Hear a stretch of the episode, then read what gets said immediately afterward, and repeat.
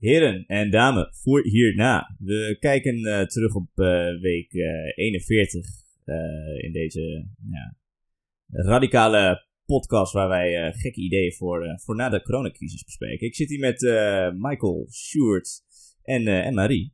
En Omar natuurlijk, niet te vergeten. wederom met Omar. En nou, Marie, we gaan straks even de diepte in over de kwestie tussen Armenië en Azerbeidzjan. Ik kom zelf uit Armenië, dus kan er uh, zeker over meepraten, zou ik zeggen.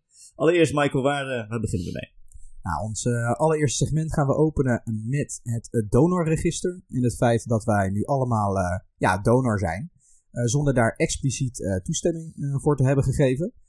En ja, ik ben eigenlijk wel benieuwd wat jullie hiervan vinden. Ja, we zijn nu allemaal slachtvee, toch? Of, Ja, ja, ja. Worden alle onze organen worden geoogst. Het zijn bijna China-praktijken. Want de, de, de donorwet die is nu 1 juli ingegaan. En dat betekent dus uiteindelijk dat uh, of we nou nu een verkeersongeluk hebben of we gaan op wat voor onverklaarbare wijze plotseling dood.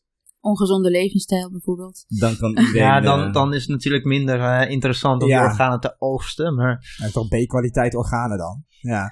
ja. het is natuurlijk, het zal niet zo zijn zoals in China, dat ze daar gewoon zomaar iedereen's organen gaan oogsten. maar het is inderdaad zo dat als jij, stel je voor in het ziekenhuis terechtkomt, ja, en jij ligt op sterven, dat ze dan jouw organen, ja, kunnen oogsten. En ja, nee, we, we, we, hoor, maar we zeggen nu de hele tijd oogsten. Ik bedoel, uh, ja, uit jou halen. Een, ja. negatieve connotation. Ik bedoel, wat ja, is... Uh, ja, dat is iets... Uh, ja, hoe, hoe sta jij daar tegenover dan? Nou, ik vind het persoonlijk vind ik het wel goed dat, uh, dat, dat iedereen zeg maar, orgaandonor is. Maar ja, ik vind het toch gewoon ja, principieel nog wel een kwestie hoe een overheid ja, je daartoe kan dwingen.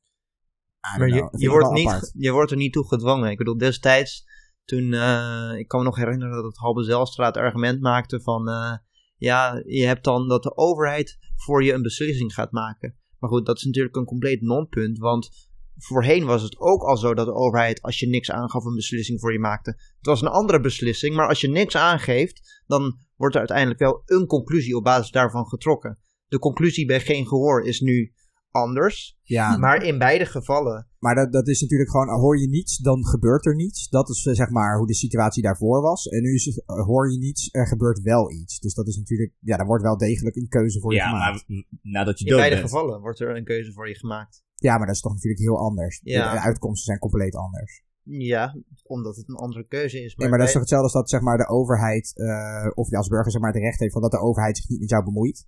Weet je, dat is toch even die maar, maar je bent grondrechten zeg maar, en hier wordt zeg maar het tegenovergestelde aangenomen. Van ja, je hoort niets en dan gaat de overheid zich inderdaad maar in jouw hele privéleven maar, maar, maar, Michael.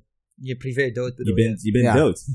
Ja, je bent dood. Je vergelijkt het met bijvoorbeeld China, maar hier is het toch eigenlijk een heel groot goed. Nee, nee, ik, ik, ik laat me wel duidelijk maken dat in het China, dat was een grapje. dat is, uh, dat, dat, daar sta ik absoluut niet achter. Okay. Uh, nee, nee, nee, nee, nee, nee. Nee, nee maar ik probeer, ik probeer en, en in mijn persoon, persoonlijk vind ik het ook, ja, niet heel erg, maar ik vind het wel belangrijk dat iemand in ieder geval dit standpunt inneemt op dit moment. Mm. Um, ja, weet je, ik vind het ook fijn dat, stel je voor dat ik in het ziekenhuis zou liggen en ik heb nieuwe nieren nodig, dat er gewoon, ja, nieren beschikbaar zijn omdat er ja, iemand die ze toch niet nodig heeft. Geen nieren! Ja, maar stel je voor, dan afstaat. Maar stel, stel je voor dat iemand eigenlijk het niet zoveel kan schelen. En om die reden er niks aan doet. Is het dan erg om voor die persoon te beslissen, als die niks aangeeft, uh, om daar dan wel wat mee te doen? Als het iemand is die oprecht onverschillig staat er tegenover. Ja, maar ja, dat weet je dus niet. Nee, precies.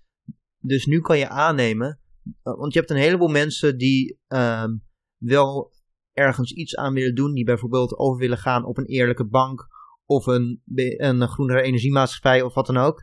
En uh, die dat uiteindelijk niet doen. Omdat gewoon het zetten van die stap, het proactief ondernemen daarvan, er niet van komt. Maar als je iemand hebt die iets expliciet niet wil.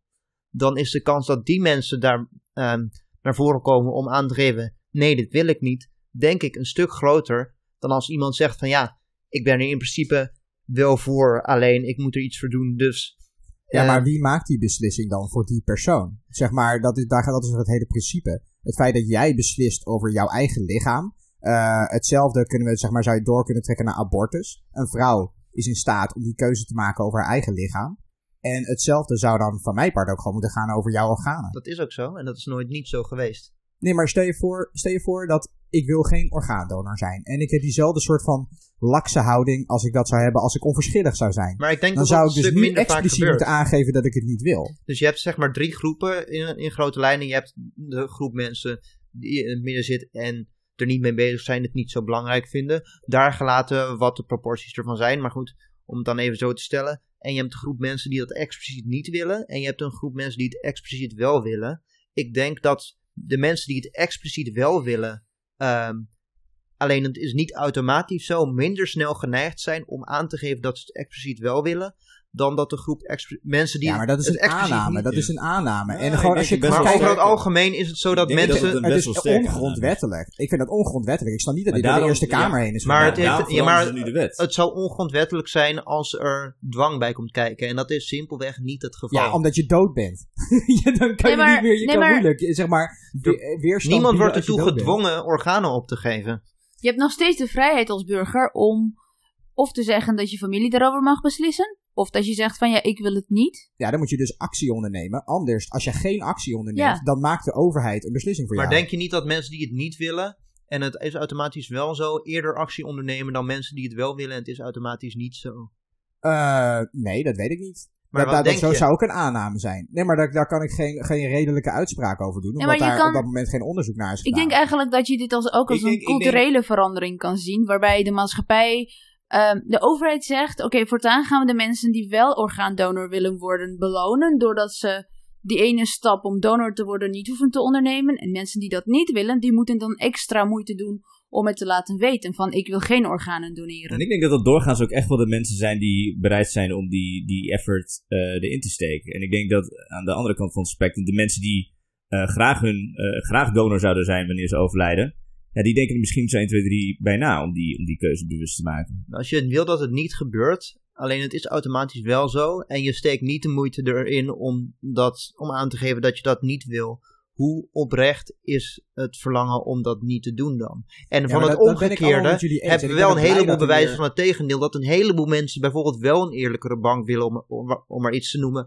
alleen niet die stap willen zetten. Ja, maar het is toch het hele punt van onze maatschappij dat jij de individuele vrijheid hebt om deze eigen beslissingen voor je te maken. En dat het niet aan je opgelegd wordt. Maar als je het niet wil, ja, dan moet je het ons even laten weten. Maar dat zou de omgekeerde wereld zijn. Maar En ik ben, ik ben laat, me, laat me eerlijk zijn, ik ben heel blij alsnog zeg maar, dat er wel zoiets is. Maar, ik ben blij met meer orgaandonoren. Ik vind dat veel meer mensen zich daar inderdaad voor zouden moeten aanmelden. Maar het is voor mij misschien gewoon een principe kwestie. Als een, het is gewoon ongrondwettelijk. Maar, dit staat maar het haaks is niet op het hele principe van onze klassieke grondrechten. Maar het, heeft, het is niet zo dat het een schending is van lichaamsintegriteit. Want in beide gevallen, voor en na, was het zo. Je hebt volledig de vrijheid om zelf de keuze te maken. En in beide gevallen was het ook zo, als je niks laat weten, ehm, maakt de overheid, doet de overheid een aanname voor wat de keuze dan zal zijn. In beide gevallen is dat zo. Dus aan het principe is er geen verschil tussen de nieuwe situatie en de oude situatie. Het enige verschil zit in de invulling ervan.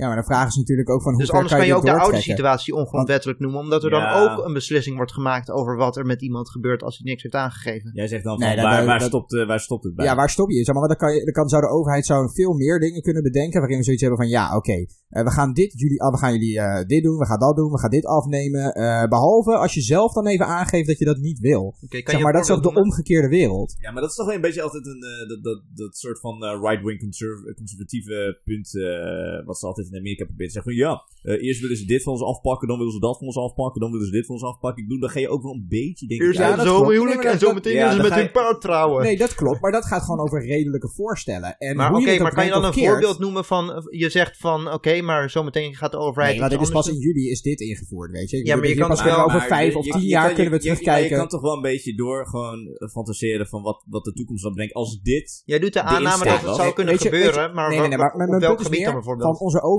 is zo slap dat ze die mondkapjes niet willen verplichten, terwijl hier daadwerkelijk mensen aan dood gaan. Mensen die normaal gesproken Kijk, dat zou leven. ongrondwettelijk zijn. Nee, en dat is dan ongrondwettelijk. Maar Ja, nee, maar- nee, dat is totaal absurd. Nee, die want dan mondkapjes is moeten ze verplichten, maar ze moeten van je lichaam Ja, maar- afblijven. oké, dat maar dat-. Het is letterlijk eh, in strijd met de grondwet om dat verplicht te stellen. Ehm, en En is, waarom is dat dan, waarom, waarom is dat dan ongrondwettelijk? Omdat Maar- Even- daar even- sprake even is van dwang. En hier terug. is geen sprake van dwang. even, even een stap terug. Wat, wat is eh ongrondwettelijk, Sjoerd? Ja, om mondkapjes verplicht te stellen, dat is ongrondwettelijk. Omdat je daarbij een mandaat oplegt, een, een verplichting voor ehm, hoe mensen zich moeten kleden. En dat, dat is in strijd met de grondwet. Zo in dit geval is er geen enkele sprake van dwang. Maar daarvoor hebben ze die coronawet, toch? Die, of die spoedwet. Die ze Ja, maar daarmee kan je de grondwet niet opheffen. Nee, maar je kan het toch wel op een bepaalde manier eh Nee, maar er is sowieso... Ja, ja. Als een wet tegen een grondwet is, dan kan toch de Raad van State zeggen van ja, de- deze wet kunnen we niet. Nee, is dat kan de niet, Eerste dat kan niet. Kamer. De Raad van State, eh, zeg maar, er is geen rechter in Nederland die wetsvoorstellen eh, toetst aan de grondwet. Ja, dat is wel, dat is de Eerste Kamer. De dat Eerste is geen rechtbank. Dat is nee, geen maar rechter. dat is wel gewoon, dat, die toetst het aan de grondwet. Nee, maar de Raad van State is toch de vervanger van constitutionele, hoe zeg je dat? Constitutionele Hof. Ja, maar we hebben in Nederland geen eh, hof wat beslist over de grondwettelijkheid Nee, van weet ik. wetsvoorstellen. Maar er Helaas moet een instantie Court. zijn die dat Oh. doet, toch? Ja, dat is de Eerste Kamer. Dus het is niet in de juridische tak van de politiek, maar in de eh, Wetgevende. wetgevende tak van de politiek. Oké, oké, oké. Maar Ja. laten we het heel even terugtrekken naar de, naar de donorwet. Ik bedoel, jij zegt van het, eh, het is in strijd met de grondwet en punt. Dat zou een reden moeten zijn om hier niet mee voor te gaan, want anders zou je kunnen stellen, waar stopt het dan? Ja, nou, maar voor mij gaat het ook een beetje om, die, om de soort van de hypocrisie inderdaad. Want ik heb bij die mondkapjes bijvoorbeeld het idee van, als we dit nu zouden verplichten, waarvan Sjoerd dus aangeeft, dat is een strijd met de grondwet, Maar dan redden we daar, en dan redden we daar ook levens mee. Maar het ene is En- een en- verplichting en, het en, andere en- niet. nee, maar even, even, als we dit nog verder doortrekken, zeg maar in de andere dan worden dan inderdaad, ook al ben je dood, worden jouw organen worden eruit gehaald, dat wordt verspreid. Oké, weet je, dat is dan, dat was ooit jouw lichaam. En hier gaat het alleen over een een lapje wat je over je mond doet.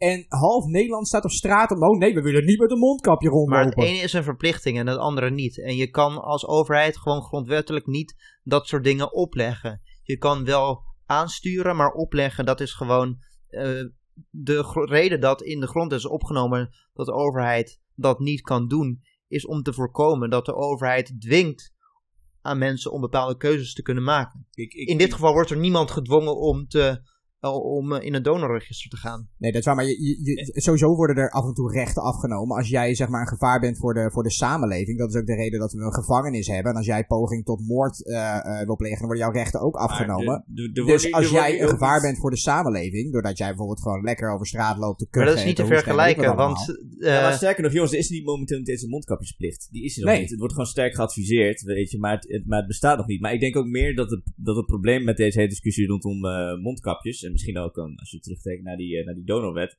is gewoon meer in de communicatie daarvan. Want ik bedoel, die- ze zijn bij ehm, eh, de, de kabinet soms echt zo super onduidelijk geweest dat je eerst iets hoorde van de premier en eh, de jongen. En daarna, drie dagen na, werd het gewoon compleet drie keer hard tegengesproken vanuit de RIVM. Met Ja, bijvoorbeeld ja, die mondkapjesplicht. Ze hadden zelfs die Dr. Fauci uit Amerika, hadden ze geloof ik afgelopen week ook langs.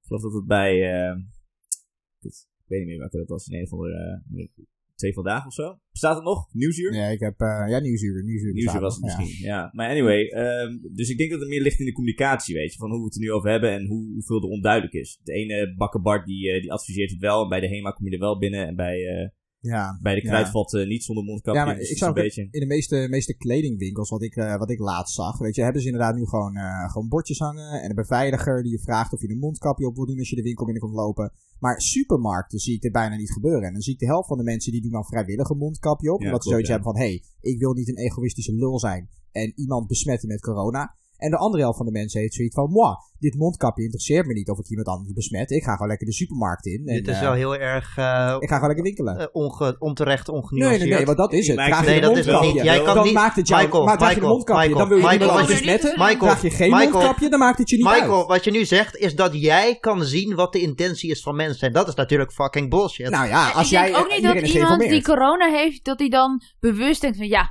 fuck die mensen, ik ga gewoon boodschappen doen. Nee, nee, Zonder niet. mondkapje. Nee, nou, nee, ik denk dat als iemand echt klachten heeft, dat hij echt gewoon nee, vrijwillig precies, thuis maar het blijft. punt is ook dat niet iedereen klachten heeft. Je kan Ja, dat is- dat is- asymptomatisch ja. zijn. En daar zit wel denk ik de nuance. Ik bedoel, alleen maar omdat je geen klachten hebt. Oké, maar niet dat bewijs- je Ja, niet oké, besmettelijk- dan, dan moet je bent. zeggen. Alleen, Maar het bewijs over mondkapjes suggereert ook dat het eigenlijk alleen maar de uitwaartse verspreiding bij hoesten en niezen eh, tegengaat. En als iemand asymptomatisch is, dan helpt een mondkapje ook niet tegen het vers- verspreiden. Want Nee. als je niet Sowieso, als jij, als jij ademt niest. of praat of wat ook ook, je kan je genoeg bewijsmateriaal, daar is genoeg onderzoek naar gedaan, dat kan ik je later laten zien. Je verspreidt alsnog zoveel van die, zeg maar, aerosolen. En natuurlijk is dat veel meer als je hoest of niest. Maar dat mondkapje is gewoon lekker voor, sta je met z'n allen in een kleine ruimte en iedereen als aan het in de ademen. rij of zo. of, Precies. Weet je, en daar gaat het hem gewoon Maar in om. de Van, rij yo, wat, wat is de moeite? Wat, wat is de moeite om een half uur in een winkel een mondkapje op te doen? Gewoon om ervoor te zorgen dat je geen moord op je geweten hebt. Omdat jij het is gewoon ook niet geen weet moord. of je corona Kijk, dat hebt, is ja dus het nee. punt. Want eh, het, het Ja, is maar zo zou het wel geframed moeten worden, Nee, want het is zo zou het zo. niet geframed moeten worden, want het is niet zo. Want En moord is dat je intentioneel iemand wil door doodmaken. naar de actualiteiten van de week. En we beginnen toevallig met eh, eh, corona eh, in ons volgende segment. Bedankt, Michael. Eh, en eh, nou, even de intro starten. Dit zijn de actualiteiten van de week. Week 41. Ik, ik, ik moet zeggen, het klinkt heel erg uh, regulier, wat je ook op een radiostation kan Thanks, horen. Marie. Thanks. Ja, maar, ja, maar dat is toch niet per se goed? Oh, Je moet toch opvallen? Je moet Ja. toch een ander geluid laten nee, we horen? zijn professioneel. dankjewel, Marie. We zetten er wel gewoon een, een fart noise onder. We Dan beginnen vallen we- dan vallen we op. met Trump. Trump die heeft, eh, even kijken, corona.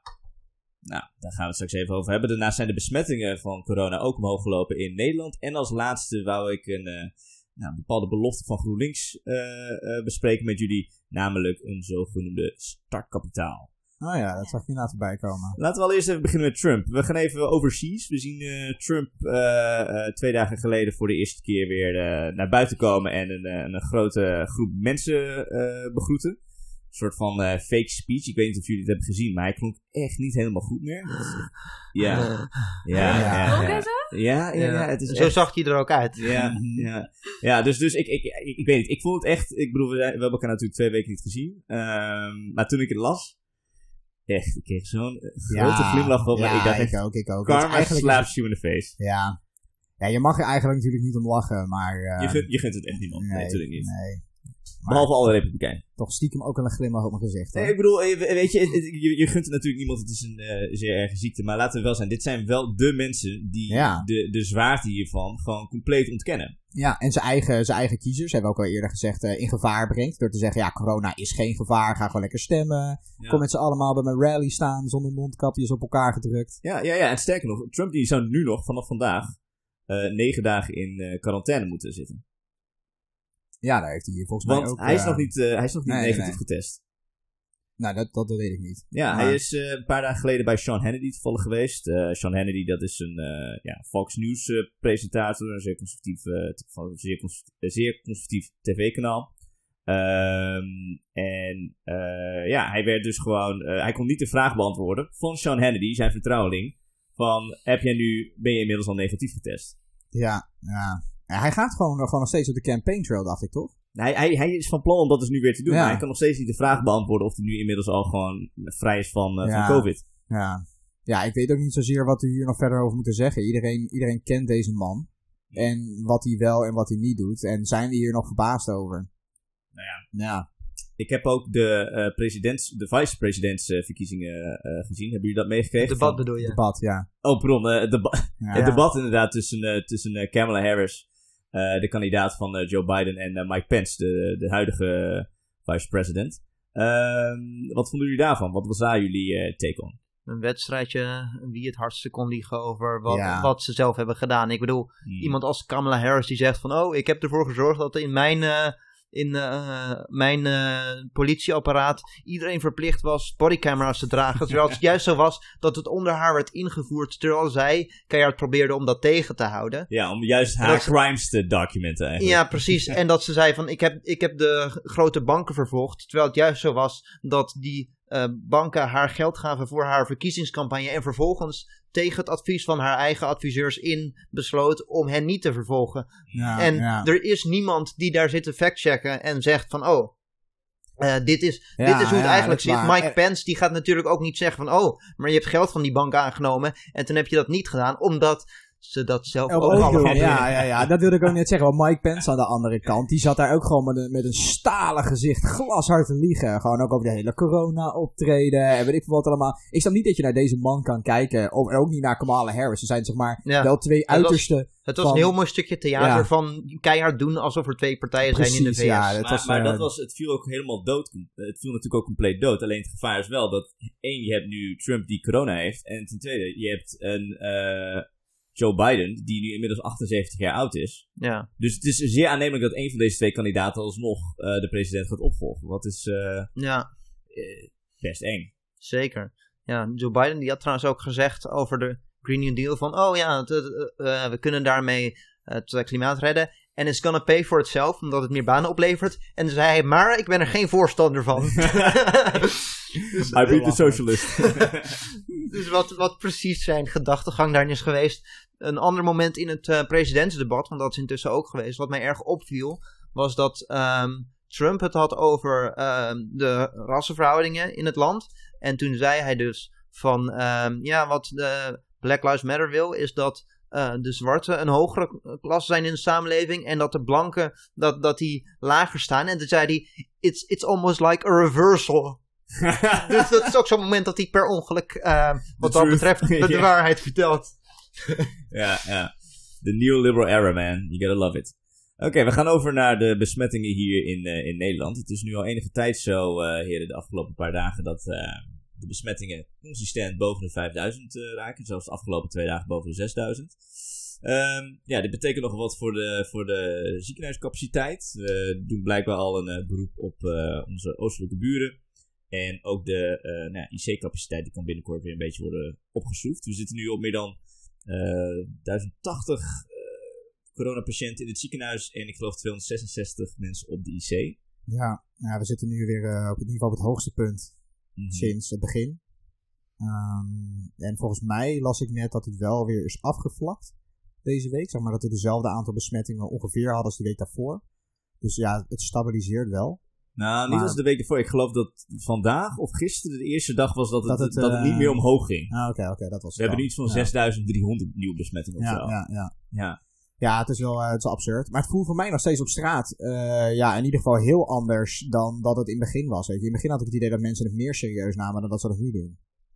Ik weet niet hoe jullie dat, uh, hoe jullie dat ervaren. Ik denk dat het ook een beetje gewenning is. Ik ook. Ik hoopte ook dat het minder druk zou zijn op straat, maar dat, daar merk je helemaal niks van. Nee, nee, het is... Iedereen is een soort van oorlogsmoe, I guess. Alleen dan, ja. We zijn hier zelf ook allemaal naartoe gekomen, dus... Ja, ja, dat is waar, dat is waar, dat is waar. Ja, maar we zitten hier niet met meer dan drie, hè? Je moet jezelf ook meetellen, hè? ja, en, en uh, ja, ja nee, maar dat, dat, is ook wel zo. Misschien zijn we hier zelf ook gewoon wat makkelijker over dan, uh, dan in het begin. Maar ja, de strijd is nog niet gewonnen. Nou ja, ik denk wel, dat er een verschil is dat um, als je meer bewust bent van of je symptomatisch bent en dergelijke, dat je, zeg maar, we weten er nu meer van. Dus de, het is ook makkelijker om zelf de risico's in te schatten.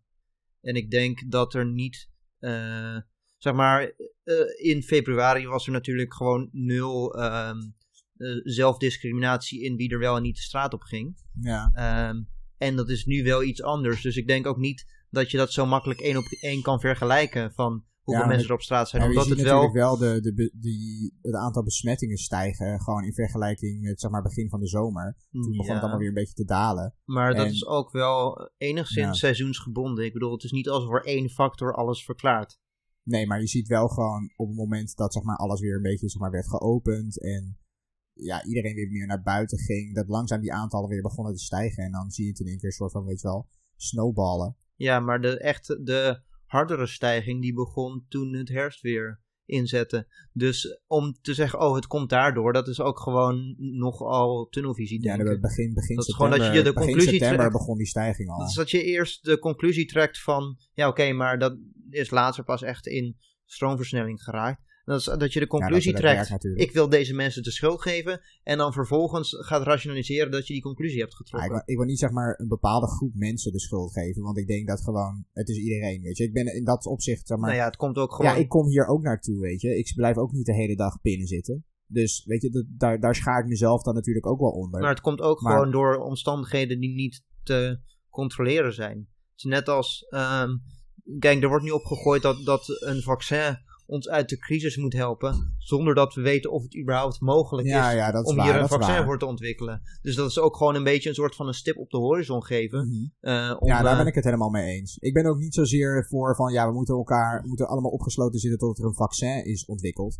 Maar wat ik dus denk, is als we inderdaad wel gewoon verstandige beslissingen nemen. Als je bijvoorbeeld kijkt naar een Nieuw-Zeeland, die vanaf begin af aan bepaalde maatregelen heeft genomen. Die hebben nu wat, nog steeds één besmetting. Ja, maar dat is een eiland. Nee, maar, nee, maar dat maakt, dat maakt niet uit of dat een eiland maakt is zeker ja, wel nee. uit. Ja, maar als je nou kijkt naar, naar, uh, naar Groot-Brittannië, dat is ook een eiland. Ja, maar kijk wel een eiland, Ameland. Ja, Maar maar dat is wel ook een eiland dat op letterlijk zwemafstand van een continent ligt. Ja, nee, maar je dat beetje- misschien wel Ja, ja, dat is ja, een maar eiland. iedereen, iedereen ging zwemmen naar, eh, naar de Verenigde, het Verenigd Koninkrijk. Nee, Nee, dat- maar, het maakt toch niet eh, uit wat het zeg eh, maar de maakt afstand is. Als je kijkt naar Australië, als je zelfs naar Australië en Nieuw-Zeeland Dat is ligt wel ook een heel groot eiland hoor. Maar het, het maakt zeker wel uit, want als je kijkt naar hoe dicht bij eh, Europa Groot-Brittannië ligt en hoe bereikbaar dat is. Ik bedoel, er rijdt letterlijk een, een eh, trein van uit grote West-Europese steden naar, naar Engeland. Dan is het logisch dat daar meer verkeer van personen is dan een eiland wat eh, duizenden kilometers eh, verwijderd is van het volgende stukje. Ja, dat klopt. Maar Ik- ze hebben ik- ook ik hele andere altijd- maatregelen genomen. Ja, dat is waar. Net als Zweden bijvoorbeeld, weet je. Maar ik word altijd een beetje ziekig wanneer mensen dan zeggen van... Oh ja, want Brazilië... Oké, Brazilië is dan even een lullig voorbeeld. Maar... Oh ja, want eh, Portugal heeft dit gedaan. En daardoor is het helemaal bam, verkeerd gaan, weet je. Terwijl... Ik bedoel, enige nuance is toch altijd geplaatst. Het heeft ook te maken met de cultuur van hoe warm zijn de mensen met elkaar. En, en Aha, dat is waar. Maar daar gaat het mij voornamelijk om van niet zozeer de eerste reactie. Want dan kunnen we inderdaad zien van oké, wie doet wat en, en hoe, welke gevolgen heeft dat. En dan zijn we nu zeg maar bij zo'n tweede golf aangekomen. En dan heb ik zoiets van, nou, we kunnen terugkijken naar wie heeft welke acties ondernomen en wat hielp. En op een of andere manier pakken we dan nog steeds niet op wat succesvolle landen hebben gedaan. Zoals iedereen eh, mondkapjes eh, gratis thuis sturen. Want ja, Ja, dat, dat vind ik, Ik ook. bedoel, ik vind dat, ja, ik dat hier- geniaal. heb- doe ja, dat. nou, ja. Ik heb hierover nagedacht, maar ik denk wel ergens dat het zeg maar... Oké, dus het is, is dat niet juist een beetje dat symboolpolitiek waar jullie het vaak over hebben? nee, in tegendeel. Omdat je daarmee mensen de mogelijkheid geeft, de middelen geeft om Maar- uiteindelijk zelf... Maar deze dingen die te doen. kosten geen drol. Je kan letterlijk het slipje van je dame kun Nee, je dat is waar, maar het is wel een extra- bewijzen van. Nee, dat is waar. Maar het is wel weer een extra soort van incentive. Weet je, ja, om mensen te Extra nudgen. knutselwerkje. Ja, nee, maar gewoon van, hé, hey, weet je wel, kijk, je hoeft, we snappen dat dit een gevaar is voor de maatschappij. We verwachten een bepaalde verantwoordelijkheid van jou, maar als overheid willen we hier ook in ondersteunen. Dus je krijgt van ons een mondkapje. Zo, maar dan is het gewoon een soort van 50-50 balans. Nou, ik bedoel, ik ben er ook helemaal voor. Ik zie alleen niet hoe dat zeg maar de oplossing zou zijn. Omdat- per se. Ik bedoel, ik, ik, ben, ermee- ik, ben helemaal, ik ben helemaal voor, maar ik zie niet in dat dat iets Omgekeerde psychologie Ja. is een ding. Ja. En als je zegt van je moet dit doen, dan is het heel begrijpelijk zo dat mensen zeggen van fuck jou. Als je zegt, ehm, dit zijn de gevolgen ervan en hier heb je de mogelijkheid om er wat mee te doen en succes. Maar Sjoerd, dat is toch best wel lastig als de IRVM, als de baas van de IRVM letterlijk zegt van ja, ze hebben niet zoveel nut. Het wordt nog steeds heel getwijfeld. Ja, maar dat is het dan dus. Zeg maar, die gast van dat RIVM, Het zit hem in die is ook continu, nee, maar die is ook continu in debat met andere virologen en andere experts, omdat zij gewoon in mening verschillen. Zeg maar, er is geen één lijn. En, en dat is nog wel het gevaar bij bijvoorbeeld het RIVM, maar ook binnen Nou ja, dat Outbreak Management Team, omdat daar niet altijd per se experts zitten of virologen, maar ook Maar- gewoon mensen die belangengroepen vertegenwoordigen. wel- en dat er hele andere maken- dingen meespelen dan de oplossing. Wij, wij hebben een van de grootste, be- eh, we zijn een van de grootste besmettingshaarden nu blijkbaar in Europa. Ja, dat is ook hoe andere media naar ons kijken Ja. in, in het buitenland. Maar in hoeverre heeft dat nou daadwerkelijk te maken met eh, mondkapjes? Want ik zou zeggen van het heeft veel meer te maken met wat ze nu bijvoorbeeld ook proberen te stellen bij het RVM. Van ja, het ligt hoogstwaarschijnlijk in jongeren die naar het buitenland zijn gaan, die weer terugkwamen. Ja. En die gewoon heel veel feestjes hebben. Want we Nee. leven gewoon in zo'n lekkere vrije... Ja, daar geloven die zich helemaal niets van. Want er is, volgens, er is ook al lang aangetoond dat gewoon ouderen dit ook verspreiden. Je ziet nu ook als je kijkt naar zo'n supermarkt, maar weet het je. ja, maar kijk, denk heeft er denk het ik ook heel wel mee makkelijk te om jongeren maken. altijd Ik, ik, denk dat, nee, maar ik denk dat de aanname verkeerd was. Dat ze dachten van, oh ja, weet je, zolang het een beetje bij eh, jongeren blijft rondroeleren, dan, dan is het eh, oké. Dat heeft er denk ik ook wel wat Maar mee te ik maken. denk dat het een illusie was om te denken dat, ze dan, dat de volwassenen het niet zouden overnemen. En dat de volwassenen het niet meer zouden doorgeven aan de ouderen. Nou ja, ik denk gaan Het heeft er natuurlijk ook wel wat mee te maken dat Nederland min of meer de bevolking van een middelgroot land is in Europa in een oppervlakte met het formaat van een grote stad. Nederland is natuurlijk een absurd, vooral de Randstad, daar woont de helft van het land. Dat is gewoon een Ja. absurd dicht bevolkt gebied. Precies. En dus dat dan zouden ook extra te maatregelen ook alleen Kijk, maar in Siberië verspreidt het niet absurd snel, Nee, want er woont kijkt- niemand. Als je kijkt naar Duitsland en gewoon grote steden in Duitsland, weet je, die hebben dit heel anders aangepakt dan wat we hier in Nederland hebben gedaan. En hun besmettingsgraad is veel lager dan die van ons. En het enige waar Duitsland nu nog last van heeft, is natuurlijk, hebt overal wel nog wel wat besmetting, maar vooral in een grensgebied ook met Nederland, omdat wij de grens over en weer gaan. En als je dan de grens overgaat naar Duitsland, is het zo van, nou, je kan gewoon op straat rondlopen, iedereen is aan het winkelen, maar ga jij een winkel binnen, iedereen doet gewoon zijn mondkapje op. En dan ga je die winkel uit, doe je mondkapje weer af, loop je winkel binnen, doe je mondkapje weer op. En het zijn gewoon, weet je, kleine maatregelen die niet zo heel veel moeite kosten, waarin je in ieder geval de kans verkleint dat het sneller verspreid wordt. Natuurlijk wordt het nooit helemaal, weet je wel, eh, eh, eh, opgelost. Want je hebt altijd een kleine besmettingskans. Maar ze zorgen er in ieder geval wel voor dat het minder verspreid wordt. En door dan meer te kunnen testen, kom je er gewoon achter waar zeg maar, de brandhaarden zijn. Hoe ga je dit oplossen? Wie moet er in quarantaine? En nu is het zo van, nou weet je, we doen langzamerhand allemaal wel wat. Wil je een mondkapje opdoen? Nou, alsjeblieft, we doen je het niet. Nou ja, maakt ook niet echt. Ja, die communicatie daar lag denk ik. Ja. ja. ja. Oké, nou, we hebben weer genoeg gepraat over corona voor deze, voor, tijdens deze podcast die, uh, die uh, nou, namelijk voor hierna bedoeld is. Uh, GroenLinks als laatste punt voor de activiteiten van de week. Die wil een starterskapitaal starten. Voor mensen die net 18 worden. Nou, dat is toch een mooi, mooi nobel idee. Uh, Jesse Klaver die geeft aan dat dit uh, bedoeld is voor mensen die uh, misschien een studie willen gaan volgen. Of om schulden af te lossen. Dan denk ik van hoeveel schulden verwacht je dat een 18-jarige heeft? Ja, nee, die schulden die moeten nog komen. Hè? Met het leenstelsel. Die Met het leenstelsel waar ze zelf aan hebben meegeholpen. Ja. Waar ze nu wel van af willen. Maar ik bedoel, ja, dat leenstelsel dat moet gewoon afgeschaft worden nog steeds. dat, dat wordt wel ja, een mooie constructie. Dat, dat je geld krijgt om vervolgens dat weer een deel te betalen om de onderwijs te kunnen betalen. Het is net alsof er een simpelere manier zou zijn om daar wat aan te doen. Ja, ja, ja. en dat brengt me ook een beetje tot het uh, volgende punt wat ik weer hiermee wil aansnijden. Want is het zo dat dit een, uh, hè, zou je zeggen, een goede start is? Nee, of is... is... dit gewoon een bandage op een veel te grote wond en zou je gewoon echt moeten gaan van een universeel basisinkomen? Het is wel echt een typische GroenLinks oplossing. Ik bedoel, uh, vorige verkiezingsseizoen, voor de Tweede Kamerverkiezingen, toen was GroenLinks er geen voorstander van om een uh, universeel zorgsysteem in te voeren. Wat ze wilden was de zorgtoeslag verhogen. Zodat uh, mensen wat dat betreft gewoon uh, eigenlijk kosteloos gesteld worden.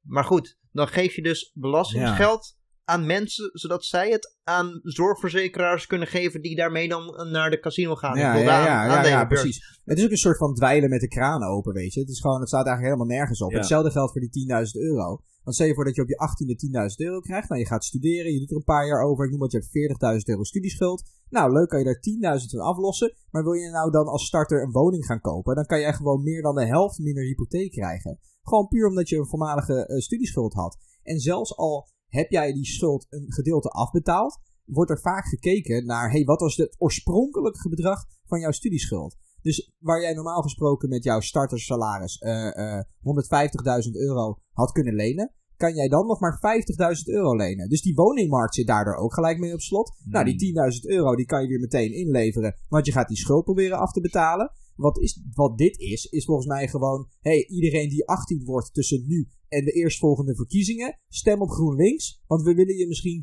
10.000 euro geven. Ja. Het is echt het absurd. Ja, het is natuurlijk, het probleem is, um, er zijn dingen die mensen uit de zak moeten betalen, uh, terwijl dat eigenlijk niet heel erg logisch is. Wat is onze oplossing?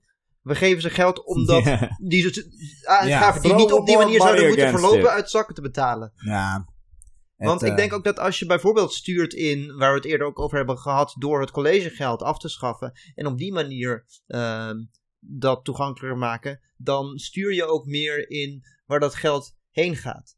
Dat het ook daadwerkelijk in de kenniseconomie terechtkomt. En niet per se dat het niet goed is om uh, een, met mensen met een startkapitaal te verschaffen. Ik bedoel, dat zou denk ik ook wel goed zijn voor ondernemerschap. Maar in mijn subjectieve ervaring in ieder geval is het zo dat um, op je achttiende dat mensen toch minder uh, in een fase zijn in hun leeftijd waar ze met um, echt gangbare ondernemingsplannen komen. Ik bedoel, er zijn natuurlijk wel mensen die dat wel hebben. Ja, maar, het is niet ook per se de juiste leeftijd om. Uh, of op je 23 of zo, weet je, je ja, 23 ik dacht ook 21. Ja, 21 of zo. Ja, ja, ja, precies. En hmm. nu is het volgens mij inderdaad echt gewoon een soort van paaiertje om jonge, jonge kiezers die dus inderdaad net 18 worden en voor de eerste keer mogen stemmen straks in maart. Om, om die gewoon ja, op GroenLinks te laten stemmen.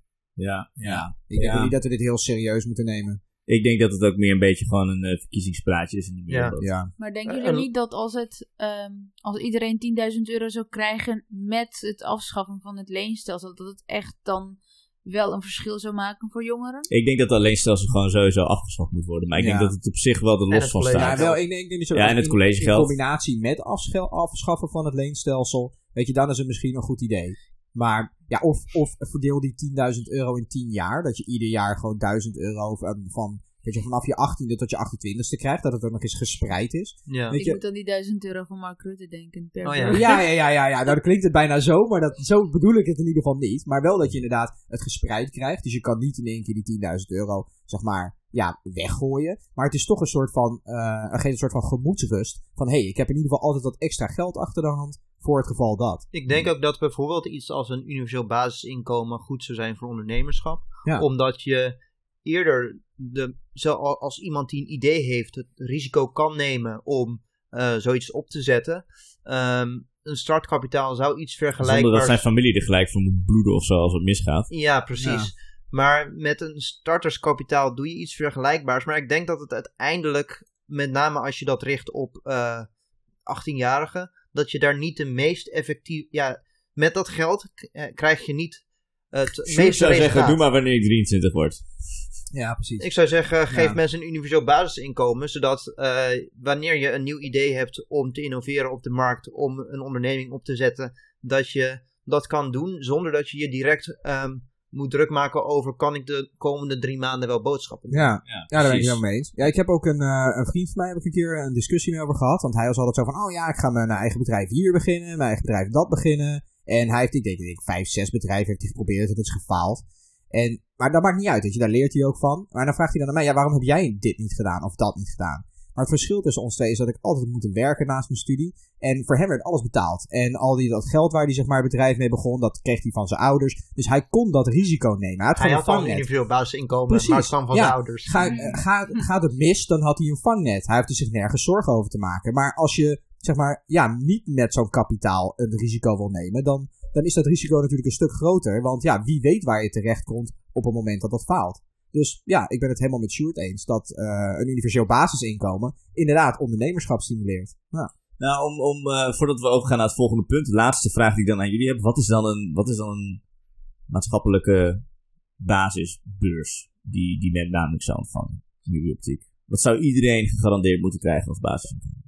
Ik kan wel een getal uh, uit de lucht trekken, maar ik denk dat dat iets is om op een, uh, om, om uh, meer in te duiken, zodat we wat zinniger Nee, nee, zeker, zeker. Maar ik ben nu gewoon even benieuwd. Gewoon, wat, wat, wat is jullie first take? Ik zeg 750. Ja, ja, zoiets, ja. Maar bedoel je dat dan per maand, per burger? Ja. Ik zou zeggen 745. maar wat zou de rechtvaardiging ervan zijn? Waarom zou iemand zo zoiets krijgen. That's for another day. Nee, ja, ja, ja. Daar kan ik wel kort natuurlijk iets over zeggen. Want we hebben natuurlijk, je hebt uh, gelijkheid van kansen en niet gelijkheid van uitkomsten. Maar gelijkheid van kansen is natuurlijk ook een beetje fictie in, in onze maatschappij. Omdat jij, ook al heb je wel dezelfde rechten als jouw ouders met een miljoen op de bankrekening wordt geboren, weet je Dan is het niet zo van... sociaal-economische precies, basis om precies. Te staan. En ook psychologisch gezien, ik weet niet of je het van uh, Maslow's Pyramid hebt gehoord zeg maar, je moet eerst uh, ja, voorzien worden in bepaalde basisbehoeften. voordat jij, zeg maar, je intellectueel kan ontwikkelen. En, en oh, dan, dat is afgeleid van marxistische idee van uh, basis en... Uh, dat, dat, zou, dat zou heel goed werken. Die materiële zo... dingen dan pas immateriële... Ja, ja, ja, precies. Maar, en weet je, nu heb je ook die meme ervan dat er onder wifi is nu een van de eerste basisbehoeften dan.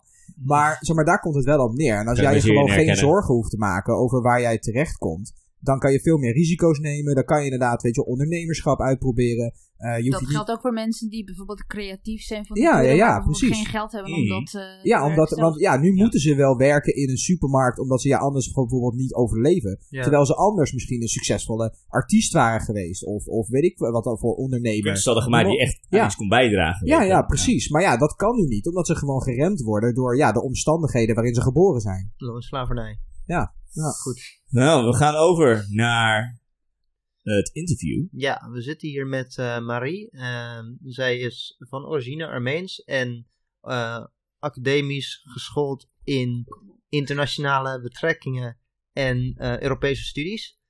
Um, en we gaan het hebben over het conflict wat nu weer opleidt um, op de Caucasus tussen de twee ehm, republieken op de Caucasus, Armenië en Azerbeidzjan. Um, ja, kan je ons als eerste wat vertellen over de oorsprong van dit conflict? Um, nou, ter verduidelijking als eerst, wat jij een conflict tussen Armenië en Azerbeidzjan noemt, uh, wordt het door Armenië zelf als een conflict tussen Nagorno-Karabakh en Azerbeidzjan genoemd omdat ze dat gebied nu uh, zoveel mogelijk als een zelfstandige eenheid willen uh, vertegenwoordigen, internationaal gezien. Karabach, dat is de, dat is de regio waar, waar we het over hebben. Dat is een regio wat in de Sovjet-Unie-tijdperk binnen Azerbeidzjan was met de Armeense bevolking als de meerderheid. En die eind jaren tachtig een officiële aanvraag hadden ingediend bij de centrale regering van de Sovjet-Unie om onafhankelijk te worden of om aan te sluiten bij de Armeense Socialistische Republiek. Alleen die aanvraag werd afgewezen en toen begonnen de rellen en, uh, ja, hoe zeg je dat, massamoorden in Baku, Sumgait en nog een aantal andere steden waar een grote Armeense gemeenschap woonachtig was. Wat dan weer resulteerde in nog meer onrust en demonstraties en ja, vluchtelingenstromen beide kanten op. Dus zowel naar Azerbeidzjan als naar Armenië. En uiteindelijk ook oorlog in Nagorno-Karabakh uh, tussen 1992 en uh, 1994 op zijn heftigst. En uiteindelijk zijn er dan uh, eh, 30.000 mensen gesneuveld aan beide kanten. Wat ik best wel, ja, is gewoon ja. tragisch, ja. Er zit een, ja, een, een, een, lang verhaal achter, zeg maar. Um, en waarom, waarom is dat dan nu ja, 20, 30 jaar later, of nou, 40 jaar later bijna zelf, dat ze nu zoiets hebben van, moi, want wat is er in de tussentijd weer, gebeurd? Ja, waarom, waarom nu? Nou ja, officieel is Armenië altijd een, een oorlogsgebied geweest, omdat er in 94 soort van staakt het vuren werd afgesloten onder dwang van Rusland. En Rusland was ook de bemiddelaar in dat conflict. Later hebben ze een uh, groep gesticht, wat Minsk Groep heet, onder leiding van uh, Rusland, Frankrijk en uh, de VS. Maar in de tussentijd werd er altijd van beide kanten op elkaar geschoten, uitgescholden, oorlogspropaganda, dus haat. En je mag ook niet naar Azerbeidzjan. Azeris mogen niet naar Armenië. Dus de grens is al 30 jaar gesloten. Ja. Um, en, hoe, uh... Alleen nu, de, de, laatste jaren, is de retoriek ook veranderd van Azerbeidzjan, omdat ze uh, door olie meer geld hebben verdiend, waardoor ze modernere wapens hebben gekocht. en nu voelen ze zich zekerder om aan te vallen, om dat gebied in zijn geheel terug te winnen. Ja, van, dat is ons gebied en nu willen we die terug. Hoe ik het ook een beetje heb meegekregen, is dat ze nu, uh, nu eigenlijk ook een beetje gesteund worden door Rusland. Of heb ik dat verkeerd meegekregen? Dus die je hier nu, uh, nu Nou ja, het is ook van ouds af aan, Armenië werd altijd gesteund door Rusland. Ook door de religie bijvoorbeeld. Um, maar Armenië is ook lid van een uh, militaire organisatie, wat de tegenhanger van de NAVO is. Ik weet alleen de Nederlandse afkorting niet. Dus, uh, OSV. Oh, sorry. Nee, nee dat, OBSJ in het Russisch, maar ik weet niet hoe het... Nou goed. Um, en daardoor is Rusland soort van verplicht om voor Armeense veiligheid en vrede te zorgen. Dus in geval van gevaar dat ze Armenië bijstaan. En, en uh, is daar nu, al, uh, nu ook al bewijs van dat, uh, dat de Russen de Armenen gaan steunen tegen, tegen Azerbeidzjan? Ja, of hebben ze ook een soortgelijk verdrag met Azerbeidzjan? Of is dat helemaal... Nou, Azerbeidzjan gedraagt zich wat passiever in het opzicht. En ze hebben ook niet meegedaan aan de laatste militaire oefeningen wat in Rusland gaande was. En Armenië dus wel. En dat was dan denk ik ook weer een signaal aan Rusland van... Wij willen ons een soort van afzijdig houden van jullie eenheid van, van die organisatie.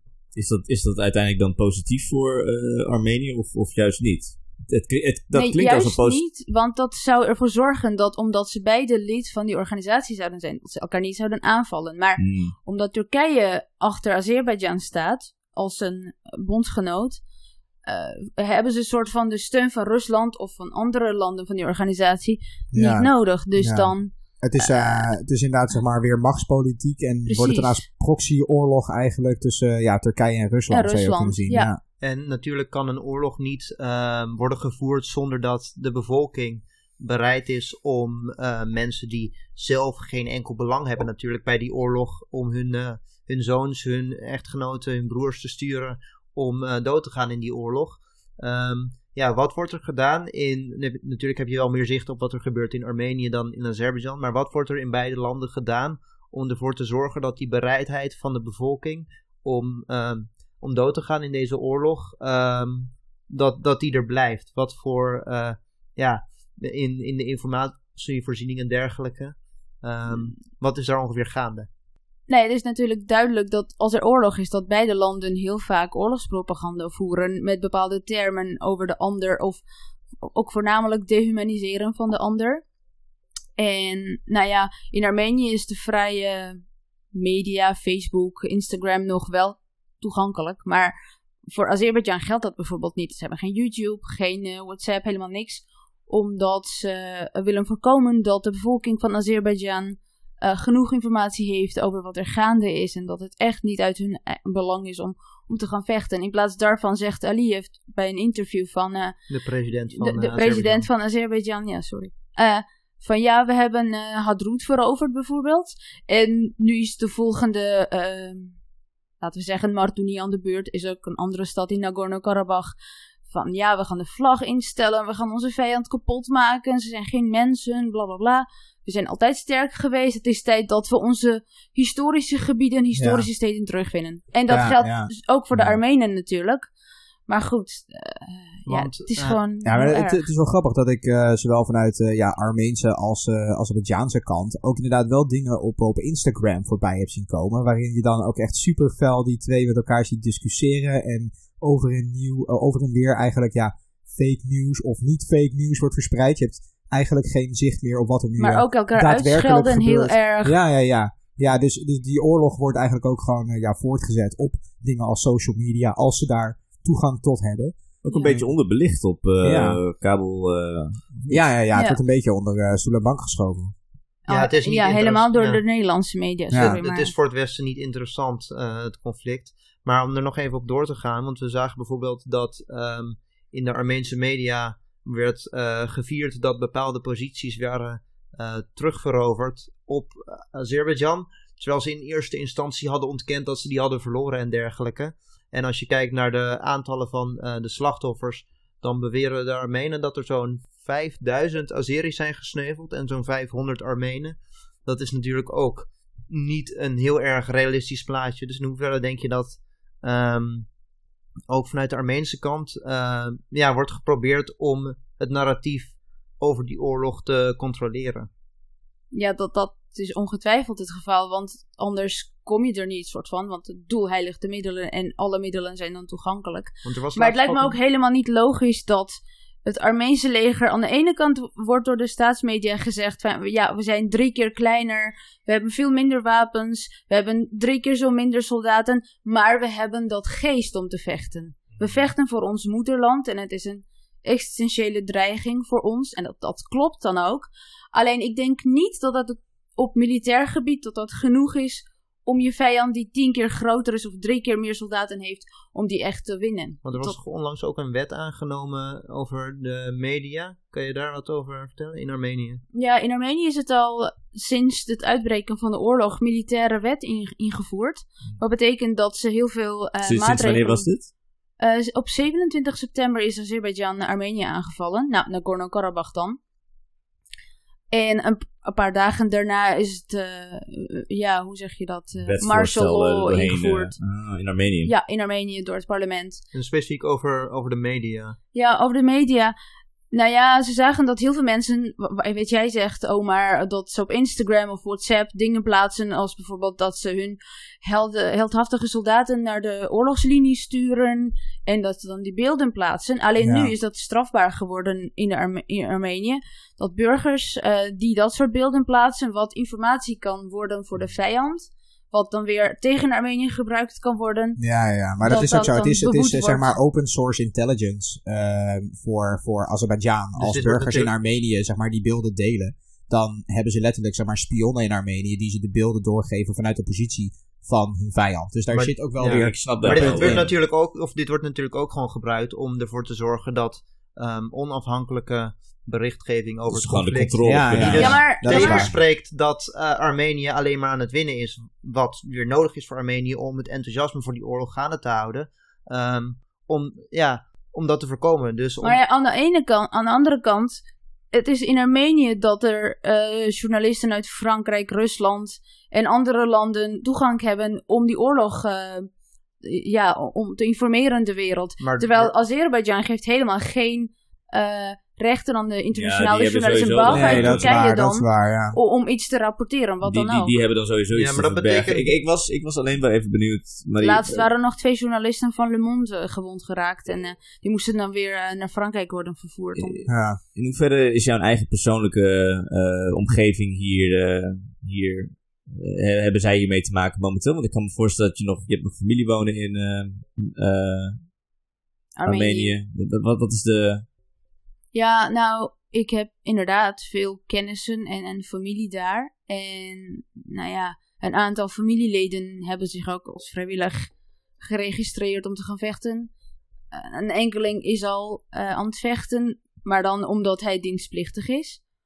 Uh, dus het is ook voor mij emotioneel, psychologisch heel moeilijk en, en vermoeiend soms om de berichtgeving te volgen. Maar uh, ja, het is gewoon verschrikkelijk. Het duurt natuurlijk ook al zo lang, ook al voor uh, Azerbeidzjan aanviel uh, eind september. Ik, ik ben benieuwd, want we hebben het voor opname even over gehad.